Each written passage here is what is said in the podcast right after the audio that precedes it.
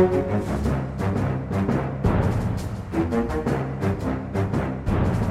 fint. Ja. Eh, Nei, men velkommen til en ny utgave av eh, Aftenpodden eh, med et blikk på USA denne uka, som vanlig nå på tirsdager. Øystein Langberg, du sitter på hjemmekontoret ditt. og Hvordan går det i, i tilværelsen? Nei, det går helt greit. Jeg savner USA egentlig mer og mer. Jeg har funnet ut det er en, en Abraham Lincoln-statue i Frognerparken som jeg av og til bare rusler bort Jeg bor rett ved Frognerparken nå, som jeg av og til bare rusler bort og, og ser på. Bare for å føle meg hjemme. Det er også en Edvard Grieg-statue i min park i Prospect Park, der jeg bor i New York, forresten. Bare litt sånn statueinformasjon på starten. altså. Ja, nettopp. Ja, ja, ja, men da får, du, da får du litt sånn Hva er det du har mest abonnenser eh, for? Nei, vet, altså, nå, altså, For å være helt ærlig, så er det å reise rundt i USA og gjøre alle de tingene jeg egentlig hadde planlagt å gjøre den våren her. Som jeg savner Ja. mest. Og det hadde kanskje ikke vært mulig uansett, men uh, vi får håpe det snart åpnes opp igjen. Trump har i hvert fall plan om det. Ja, ja, ikke sant. Der kan det, kan det skje, skje fort eller sent, jeg vet ikke. Nei, men vi skal vel vi skal se litt på, på det som har vokst fram i USA nå eh, den siste uka, og kanskje litt lenger enkelte steder, men som, som har dukka opp ordentlig, som er disse protestene mot lockdownen. Da. Og, og det vi har sett nå siste, er jo helt sjuke bilder av, eh, av en ting, av demonstranter. En ting er at de går med amerikanske flagg, noen har litt sånn sørstatsflagg, og det er en veldig politisk bit. Men det er jo også et ganske sånn aggressivt eh, bilde på noen av disse, som har holdt blant annet i Michigan. Men det er flere stater som har, eh, som har vært utsatt for dette, eller der det pågår også. Jo, det det, har vært ganske mange stater etter hvert hvor man har sett disse protestene. Og så er det, litt, sånn det er litt vanskelig å si hvor store de egentlig er. Jeg tror de omtales ofte som ganske sånn små ansamlinger, hvis man begynner å telle opp. Eh, Men de har fått veldig mye oppmerksomhet i amerikanske medier og i, og i norske medier. For dette er jo egentlig et ganske sånn unikt fenomen nærmest i verden. Selv ikke i Europa har man jo, har man jo sett, sett noe som det her. Og, man, og, og noe av det er litt sånn hyggelig. No, jeg så en, en dame har jo en sånn I need a haircut-skilt, liksom. Det kan jo alle kjenne seg igjen i, på en måte. At det er litt sånn frustrasjon. Eh, og, noe ikke, og noe er ikke fullt så hyggelig. Eh, de sammenligner denne nedstengningen i USA med, med kommunisme. Eh, noen trekker bare linjene rett til nazisme. De snakker om at de må sparke han, eh, han helserådgiveren Fauci. Så det er litt sånn, ja Det er tydelig at det er mange altså Det er utløp for veldig mange ulike typer raseri, da. Men det er stort sett ytre ja. høyre. Ja, fordi, og, og så er det ikke i, i Michigan er hun eh, demokratiske guvernøren, altså Gretchen Whitmore, som, som eh, har, eh, har gjennomført ganske sånn strenge regler, egentlig, for hva de skal, skal kunne gjøre og ikke. Og der var det jo sånn derre lock her up, lock her up, altså samme ropa som kom fra demonstrantene som man hadde på sånne Trump-rallies mot Hillary Clinton, egentlig. Og så er det jo en forskjell Man har jo av og til sånne større demonstrasjoner, eller på en måte interessegruppedemonstrasjoner, både i Norge og Europa, men da er det typisk litt sånn landbruksting. Så da er det jo av og til så kommer det bønder inn fra, fra resten av Norge, så typisk sånn fra Jæren, og så kjører de til Stortinget, og så dumper de møkk utafor, eller så, så heller du ut melk eller en eller annen Ja. sånn ting. Men her er det jo, det ser liksom mer brutalt ut når det kommer folk sånn halvtildekket med automatvåpen. Ja, og militæruniform. sånn, jeg har lov til å ha våpen. Ja. Ja, Ja, og, og, og jeg så uh, The Washington Post hadde en sak om på hvem som står bak hvem som står bak disse protestene, og de, de skriver at det er altså, våpengrupper, våpen Ikke våpenlobbyen, men våpenforkjempere, ganske langt ut på høyresiden, som i hvert fall har starta protesten i en del av delstatene. Også i andre delstater er det folk som er litt sånn mer løselig tilknytta Trump-universet, som har dratt i gang det her. Men det er definitivt ikke den hyggelige landbruksprotesten som, eh, som vi har i Europa. Eller hyggelig og hyggelig, da. I Brussel var det også sånne protester, og de, de, de spraya jo hele EU-kvartalet med jevne mellomrom fullt av melkepulver og sånn. Så det er jo stress. den eh, vil kanskje ikke ha det, men det er fortsatt litt mindre Ja, truende enn og dette er noe eh, helt annet, ikke sant? Og minner litt om det Te- Tea Party-bevegelsen som man så, så under Obama, som jo også og det er, kan godt hende de bruker noen av de samme nettverkene, og at det er noen av de samme folka. Og det er jo på en måte den samme individualistiske retorikken som ligger til grunn her. ikke sant? Staten skal ikke fortelle oss hva vi skal gjøre, vi bestemmer selv over livet vårt. Hvis jeg vil gå og klippe meg, så skal jeg banneord Gjør det, ikke sant? Mm. var det? Det var sånn eh, Var, var det en eller annen eh, en dame som med et veldig måte, ironisk eh, skilt, egentlig, så var det sånn derre hva, det de hva er det de sier? Altså 'min kropp, min frihet'. Det var en eller annen sånn eh, Så ut som hun hadde stjålet skiltet til en eh, fri abortforkjemper. Mm. Men er, det, er dette på en måte et fenomen som fortjener den oppmerksomheten, eller er det at nyhetene nå, at, eh, sånn som vi av og til kan gjøre, kan ende opp med å dekke ting eh, fordi det er nytt, og fordi det skjer, og fordi det er veldig sterke meninger, og så er det kanskje ikke et så stort fenomen at det egentlig er en maktfaktor eller noe som påvirker amerikansk politikk? Altså, det kan godt hende at det påvirker uh, amerikansk politikk til en viss grad, men når man ser på meningsmålinger, så ser man at det er mange flere amerikanere som er redd for at du åpner økonomien for tidlig, snarere enn at du åpner den for sent. Jeg så en sånn Pew Research-poll som viste at 66 var redd for at, uh, at de åpna og letta opp for tidlig, og at viruset kan få spre seg. Så mm. Så, og, så, og, det gjør det litt sånn krevende for Trump òg, ikke sant? Han kom jo med disse tweetene som fikk veldig mye oppmerksomhet her om dagen, og som var liksom Trump av hengslene igjen, hvor han skriver liksom ja Liberate uh, Michigan, liberate uh, Minnesota Frigjør ja. Virginia. Hvor han, hvor han virker som han er gått helt altså Han nærmest liksom steller seg sammen med disse opprørerne som vil åpne statene sine igjen. For det her, det her, henger jo ikke helt sånn sammen, eller det er det som kanskje er vanskelig å forstå når man ikke sitter i den amerikanske virkeligheten og tar eh, prinsippene der inne. Fordi ja, en ting er at Trump virker som han er litt sånn av hengslene i utgangspunktet, men, men han Nå er han på en måte og melder seg liksom inn på siden til demonstranter mot guvernører som per nå egentlig har innført regler som staten og Trump selv også står bak. Ja. Altså, det er ikke, er ikke, sånn at det er et kjempeklart skille mellom det, eh, de tre statene som han eh, skrev, liksom Liberate, da, og det både myndighetene føderalt vil ha, og det andre eh, stater gjør? er det? Nei, ikke sant. Og jeg tror, jeg tror man må kunne si at Trump forsøker på et eller annet vis å ri en haug med hester her samtidig. Han vil stille seg sammen med disse folka som åpenbart er en del av basen hans. og er, Det er helt sikkert en del som, som, føler at nå må vi bare åpne opp igjen, dette viruset er bare en hoax, eller det er i hvert fall ikke så farlig som, som folk påstår. Og så ser man at ganske mange av velgerne hans er redde for å, for, for å, åpne for fort, så han vil liksom ikke skremme unna, unna dem heller. Og så blir det en sånn der, så på, press, på, på pressekonferansen hans så er han sant, vesentlig mer balansert enn en den derre liberate disse statene. Da, da, fremstår han, han skryter jo f.eks. av at de kraftige lockdownen, kraftige nedstengningen, har gjort at vi har ikke en million døde. Nå har vi bare 40 000 døde per i dag. Ikke sant? Som jo er den stikk motsatte ja. mm. konklusjonen. Og, og, da skulle man jo tro at eh, forlengingen var det. Vi må ikke åpne opp for tidlig, for da risikerer vi jo at dette viruset bare løper løpsk. Det er jo fascinerende, for det virker som om Trump måte, prøver å skape noen slags syndebukker, da.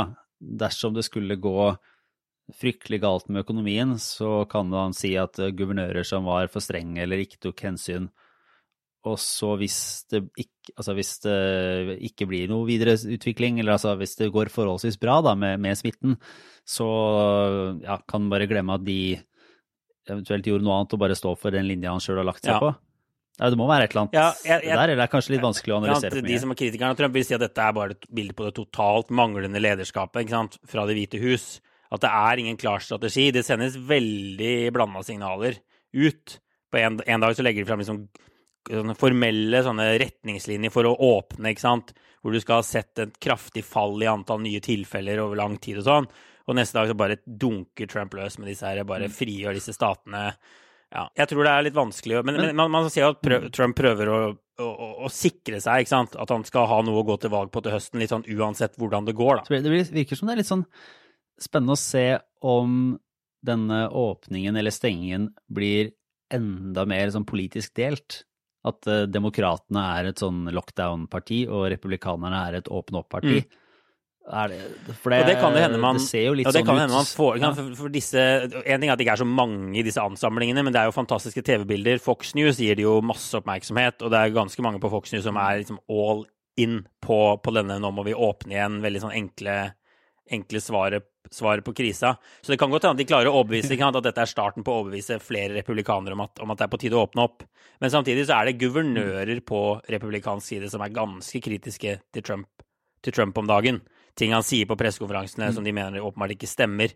Eh, og det er guvernører, republikanske guvernører som er i stater som er hardt ramma som fortsatt holder liksom strenge, strenge nedstengninger. Det som virker er fascinerende og skremmende i USA, er at det så det er liksom så lett at de ekstreme på alle sider får dominere en debatt, og det, det gjelder jo også egentlig Det hvite hus, da, men at man får det polariseres så fort, og at det, det, er, så, det er, så, lett å finne, finne liksom de mest ekstreme på alle kanter. Ja. og så er det veldig vanskelig å få, få løst, løst inn i midten. Og det eh, kan vi gå litt, litt eh, videre eventuelt på, på ting, for det gjelder jo etter hvert nå også, må man tenke når det gjelder f.eks. dødstall, da, og hvor omfattende og hvordan den eh, pandemien faktisk utspiller seg, og hva, hva det kan være. Og vi har jo skrevet litt i Aftenposten også de siste uka om, om hvordan, der, hvordan virkeligheten faktisk ser ut. Og om det er sånn at folk eh, dør av koronavirus, og om de tallene som, som oppgis på dødsfall er presise, eller, eller, gir mening på, på liksom større perspektiv. Ja, for jeg ser på noen av disse plakatene noen av disse som står og protesterer, så, så, så skriver de at de tror ikke på dødstallene, ikke sant. Eh, de tror de er overdrevne, da. De skriver at folk som uansett ville dødd, nå bare får de en koronastempel i panna. Og så ser det ut som det er masse folk som dør av korona. Så det jeg og noen kolleger har gjort, er å kikke litt på ikke, ikke, bare koronaopptellingen, for der er det ganske mye forskjeller mellom land. Noen land teller bare folk som har testa positivt og dødd på sykehus. Andre tester liksom mm. rubbel og bit. Nei, andre tar med liksom alle som antageligvis, sannsynligvis, trolig kan ha dødd av korona. Men det man kan gjøre, er å se på dør det flere nå enn normalt. Og det kan jo gi en pekepinn på om det er noe spesielt nå, om det er mange flere som dør, eller om, eller om Ikke sant, fordi at det er, i, i Norge så er det omtrent 100 personer som dør hver dag uansett, over lang, lang tid, så er det sånn ok, på en hvilken som helst dato så er det ca. 100 som ja. dør. Så hvis det endrer seg veldig, så kan man lure på om det er noe spesielt ja, Er det et tall du kan, eller er det, gjetter du nå på 100, 100 om dagen? Ja, nei, jeg, jeg, jeg, jeg er ganske sikker på at det ligger på omtrent 100 om dagen. Fordi, fordi jeg, jeg, husker ikke akkurat det tallet for Norge, men det er bra uh, at vi ikke var finne på. Fordi uh, i, i, Storbritannia så er det rundt, har det vært rundt uh, 10 000. Eller ikke Storbritannia, men England og Wales for mm. eksempel, har det vært rundt 10 000 i uka som dør i de ukene vi er i nå. Men de statistikkene som kommer ut nå, som viser totale antall dødsfall per uke, viser at det nå har dødd sånn over 16 000. Så det er eh, over, altså rundt 60% flere enn normalt. Og faktisk så var uke 14 den dødeligste uka i Storbritannia siden disse ukesmålingene starta i 2005. Så der er det helt tydelig noe veldig spesielt på gang. Eh, og det samme ser man i en god del andre land. Det er en kraftig overdødelighet, eh, som jo er et tegn på at at dette handler ikke bare om at folk som nå dør og ville dødd uansett akkurat nå, får korona. Det er noe helt sånn spesielt på gang. Og New York Times har gjort noe lignende, sett på tallene for New York, da. Og der har det dødd den siste måneden ca. dobbelt så mange som det som er vanlig. Det er for denne Imperial College, da, som har, har drevet og laget sånne modeller, og som har vært, vært grunnlaget for for veldig mye, og de har jo endra seg litt etter hvert. Men i en av de, den reviderte rapporten de kom med her for uh, noen uker siden, etter at Storbritannia hadde innført sitt sånn lockdown, uh, og, og, og, at det var vel et slags Jeg vet ikke om det da blir brems eller slå ned, eller hva det eh, systemet heter, men i hvert fall da de begynte å ta tydeligere grep for å, å ikke gå for en sånn flokkimmunitetsteori. Mm så skrev de jo at de regnet med et visst antall døde, men at 50-65% av dem kom til å være folk som uansett ville dødd i den perioden.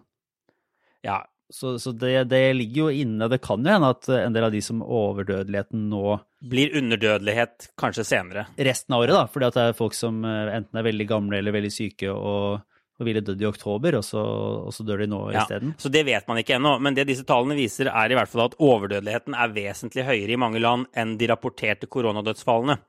Så det kan være et tegn på at det er faktisk ikke det er ikke sånn overregistrering av koronadødsfall, det er kanskje snarere en underregistrering, da, at man ikke fanger opp alle som dør av korona. Mm. Det er i hvert fall noen ting som tyder på. I Nederland eksempel, så skriver myndighetene rett ut at, at det er flere som dør av korona enn det de offisielle liksom, statistikken vår viser. Ja, ikke sant. Men, men som du sier, så, så kan det hende at dette liksom fører til underdødelighet på et senere tidspunkt, men det vet man ikke. Men det man vet nå, er jo at du da sant, dør mange flere enn vanlig. Og så er det jo en litt sånn fattig trøst at du dør nå, øh, og uten korona så vil du dø om kanskje to år, da. Du ville jo gjerne hatt de to leveårene ja. nå, på en måte, hvis du kunne fått dem. ja, ja, så, ja. Det er jo greit nok. I, og i Norge, da, foreløpig ikke har en overdødelighet. Nei. Uh, av noe særlig grad uh, nå, så, så, vil jeg jo håpe og tro at vi har et, et offentlig ordskifte og et uh, politisk klima som gjør at, at, det vil kunne At man vil kunne bli enige om en faginstans ettertelling av de tallene, da. Hvis det viser seg at i neste år så finner man ut at nei, det var faktisk en del flere som døde, når man ser på ja, ulike ting. Mm. Og, så, og så akseptere det. Men det er det jo lett å se for seg at det er vanskeligere i USA, hvis man plutselig finner ut at dødstallet ifølge ekspertene var 40% høyere enn det som er skjelt. Ja. Så er det ikke så lett å se for seg at Donald Trump skulle ta det for god fisk. Nei, det kommer uh, i, i oktober-november, så viser det seg at det var ikke 50 000, ja. det var 100 000 som, som hadde dødd av korona. Nei, og det der kan, det der, det der kan bli en, en, stor kamp om sannheten. Det kommer helt sikkert til å bli en stor kamp Se, om sannheten. Går det an å få overbevist noen? Er det sånn at vi er bestemt for at hvis tallene kommer, så vil de samme mene det samme uansett? Eller er det noe som tyder på at, at uh, koronakrisen gjør at amerikanerne er villige til å se forbi uh, polariseringen? Altså, er det en stor nok sak til at, til at det går på tvers av partiskillelinjer, eller er det så, sånn som nesten alt annet, at det deler seg? Etter, hvor, etter hvorvidt noen er republikanere eller demokrater. Altså, Man har jo sett klare tendenser til at det er eh, splittelser mellom republikanere og demokrater her. Uh, og det kan godt hende de, de fortsetter, men, men, som vi også har nevnt på den poden før, så er det jo liksom også liv og død. Og mange kjenner etter hvert noen som har dødd. Og, måte, og selvfølgelig så kan man da tro at det er guvernørens skyld og ikke Trumps skyld, og, eller kanskje ikke skylder på noen i det hele tatt. Men det er jo på en måte ikke bare et spill, et politisk spill denne gangen. Det er, uh, det er en pandemi som brer seg i USA, så man skulle tro at noe av de, uh, den polariseringen vil bli revet ned. Kanskje. Og det er også når vi kommer tilbake til det med, det med å åpne landet igjen, så, så, snakker jo Trump på en del som om det bare er å si sånn nå er alt åpent, da er det bare å løpe ut og handle, og så kommer folk til å gjøre det. Og så lenge mange amerikanere som nå da, er redde for at økonomien åpnes for tidlig snarere enn for sent, så er det ikke sikkert det hjelper noe å åpne økonomien igjen. Det er det mange økonomer som også har påpekt, at nedbremsingen av økonomien kom før før liksom, denne lockdownen egentlig kom. Fordi folk rett og slett slutta å gå ut. Folk er mm. redde. Eh, så folk må også føle seg trygge for å, for å, få økonomien i gang igjen. Og det er kanskje noe Trump og noen av disse undervurderer litt. At Det er jo noe vi for har sett i Norge, da. Folk er ganske ja. bekymra for mm. å sende tilbake barna sine på skole og i barnehage. Man kan like gjerne se for seg at det er langt flere amerikanere som er redde for å gjøre de tingene der, enn den gjengen som vi sier åpne opp alt nå, nå er vi tilbake til normalen. Så kanskje det kan bli største, det største problemet utover våren. Er det gitt noen uh, indikasjoner på hvor lenge de føderale tiltakene kommer til å vare nå, eller? Altså, Donald Trump kom vel med en rapport som kom med ganske sånn klare punkter for hva som skal til for en åpning. Ja. Men var det, et, eh, var det et konkret tidsskjema for hvordan det Ja, men det er jo opp til statene, ikke sant til syvende og sist. Og noen stater er allerede i ferd med å åpne litt. Jeg så Vermont og Minnesota, ja, som jo nå fikk masse kritikk, er faktisk da i ferd med å åpne litt igjen. Eh, I Texas er det litt åpning på gang. Og det gir jo på en måte mening at man ikke gjør dette for hele landet samtidig, men at man gjør det i individuelle mm. stater. Men, men vi, får, ja, vi, vi, får, vente og se. Men jeg tror ikke det kommer noe sånn Det er jo ingen nasjonal nedstengning i USA. ikke sant? Det er kommet noen retningslinjer, og så er det opp til statene å bestemme. Så vi får nok se en gradvis gjenåpning. Eh, men faren er jo at noen mm. føler seg pressa til å åpne for tidlig, at det kommer nye utbrudd, og at de må stenge igjen. Jepp. Vi eh, fortsetter vel inn i en eh, liten runde obligatorisk refleksjon, og da tror jeg at jeg kan starte opp, jeg. Og da kan jeg egentlig bare anbefale som en slags sekkepost fordi vi er jo glad i podkaster og interessant lesestoff. Og da er en av de podkastene jeg hører mest på og har hørt jevnt på i lang, lang tid, som er den eh, Slate Political Gabfest. Den tror jeg har snakka om, om ved flere anledninger ja. tidligere. Som er da tre stykker som prater om amerikansk politikk og mye sånn retts- og jusspørsmål. Men nå i koronatider så har de også en del interessante gjester. Og det er nå så. Jeg kan anbefale å, å, lytte til den uansett. Men de er flinke. Det er jo en eh, ikke helt ukjent gren, dette her, med å komme med anbefalinger til, eh, ja, til filmer og se bøker og lese tekster og få med seg. Og det Slate har gjort, da, som jeg er litt misunnelig på, er at de har satt ned noen eh, slaver, antar jeg, jeg vet ikke hvordan de har fått til, og så har de lagd en katalog og en, en oversikt over alt det som den podkasten og flere som Slate har, har anbefalt. Fra start til slutt. Så man har en søkbar database på hva de ulike eh, sånn podkastgjestene og vertene har anbefalt, og eh, ting de har snakka om. Så hvis man sitter og, og, lurer litt på hva man skal gå gjennom som, eh, som kan være interessant, så, så, ligger det enormt mye gøy der, da. Og Aftenpoddens lyttere får en lignende database i neste uke allerede, eller? ja, ikke sant. Det er det jeg bare lurer på. Men burde være sånn at uh, Egentlig burde jeg satt meg ned og brukt krefter på å lytte meg gjennom en, uh, en fire-fem år med obligatorisk refleksjon og fått anbefalinger. Men jeg er ikke helt sikker på om jeg kommer til å ha tida til. Men det har altså, den heter så mye som The Slate Podcast Endorse-O-Matic.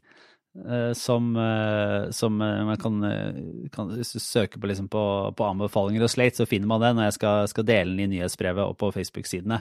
Men der finner man alt mulig rart da, som, som, veldig smarte folk har lest og fått med seg, som gjør at en kan få litt ulike perspektiver på, på, ting som har skjedd. Så den kan jeg bare anbefale. Altså The Slate Podcast Endorse O-Matic, som er et fascinerende og kult lite univers for å få tida til å gå. Ja. Hvordan er det med deg, Øystein? Nei, jeg tenkte jeg skulle snakke om noe vi har snakket altfor lite om i fire år med obligatorisk refleksjon i Aftenpodden. Dopapir. Kanskje det er på tide å snakke litt om dopapir. Ja, det tror jeg ikke har vært innom. Eh, har vært innom veldig mye rart, men ikke så fryktelig mye på det her. Er det en slags koronalink? Ja, det er en slags det... koronalink. Uh, alle fikk jo med seg at uh, butikker over hele verden, det gjaldt både USA og Norge, ble tømt for dopapir i starten av koronaviruset. Og da var det jo liksom menneskets eh, behov for å hamstre som fikk hovedskylda for det. Folk mister huet, de tømmer butikkene for dopapir, og folk burde skjerpa seg. Det var det som var konklusjonen. Ja, ja, ja. Og så hørte jeg på eh, Larry Summers, som er tidligere sjeføkonom i Verdensbanken, og har vært rådgiver for Obama og, og Clinton. Og jeg har faktisk fått intervjue han en gang på Grand Hotell. Smart økonom. Og nå, og nå har han blitt dopapirekspert. Jeg har snakket litt om, om de økonomiske konsekvensene av koronakrisa, og han snakket om at det har nå vist seg at dette handler ikke bare om hamstring. Det handler om at det er to separate markeder for dopapir i verden. Det er det private markedet, altså dette dopapiret vi kjøper hjemme, og så er det det kommersielle mm. markedet, mm. som er store ruller, hardt dopapir sikkert litt billigere, som mange kjenner fra, fra do på jobben, f.eks. Mm. Eller fra restauranter. Så problemet nå er selvfølgelig at uh, folk trenger like mye dopapir som før, men nå trenger de nesten bare sånn hjemme plysj plysjdopapir. Det faktiske Ja, ikke sant? For, men hva betyr det at uh, Betyr det at uh, det faktisk er en dopapirmangel? Eller er det For det har jeg jo ikke det har det ikke virka som det egentlig har endt opp med å bli. Nei, ikke på butikken her i Norge, men han sa at i USA har det vært mer Nei. tendens til at det har fortsatt å være tomt. At man ville forvente at etter noen uker så, så var jo på en måte, hadde folk nok dopapir. Det var ikke plass til mer dopapir hjemme hos ja, folk. Ja. Og, mm. og, da ville ting normalisere seg, men han mente at de ikke hadde gjort det helt. da, Fordi disse kommersielle ja. produsentene av det vonde harde Jeg ikke alltid er vondt og hardt, altså. Eh, det, det dopapir De klarer ikke å omstille seg til å levere det folk vil ha, faktisk.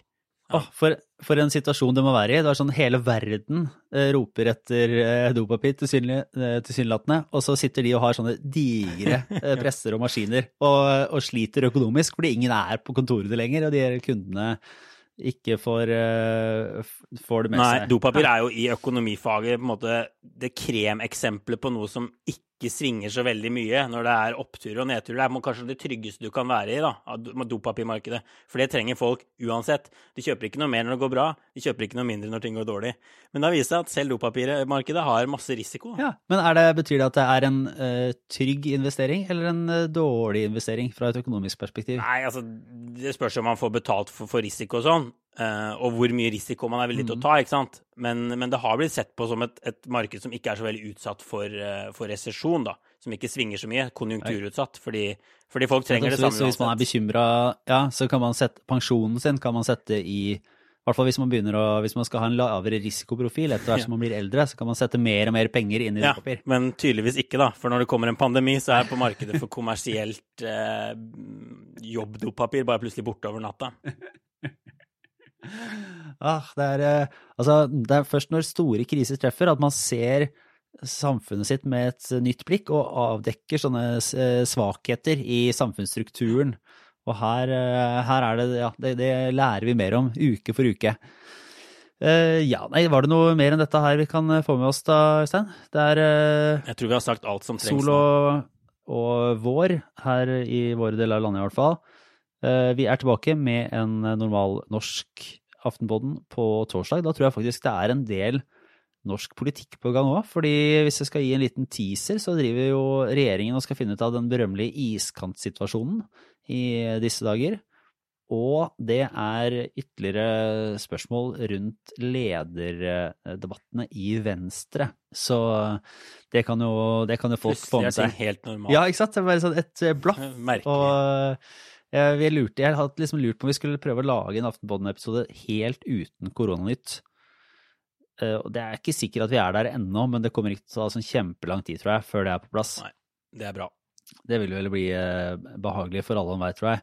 Men jeg tror vi runder av med det. Jeg oppfordrer igjen alle til å gå inn på aftenpodden.no eh, for å abonnere på nyhetsbrevet. Der kommer det lenker og ting. Det er ikke helt endorsomatic, men det er mye snadder og snask og lesestoff for de som er interessert i det, og en ukentlig politisk quiz. Så den kommer på torsdag, så da må du ha meldt deg på før torsdag for å få det i innboksen. Og for å gjøre det, så må du være en Aftenposten-abonnent. Det oppfordrer alle til å være.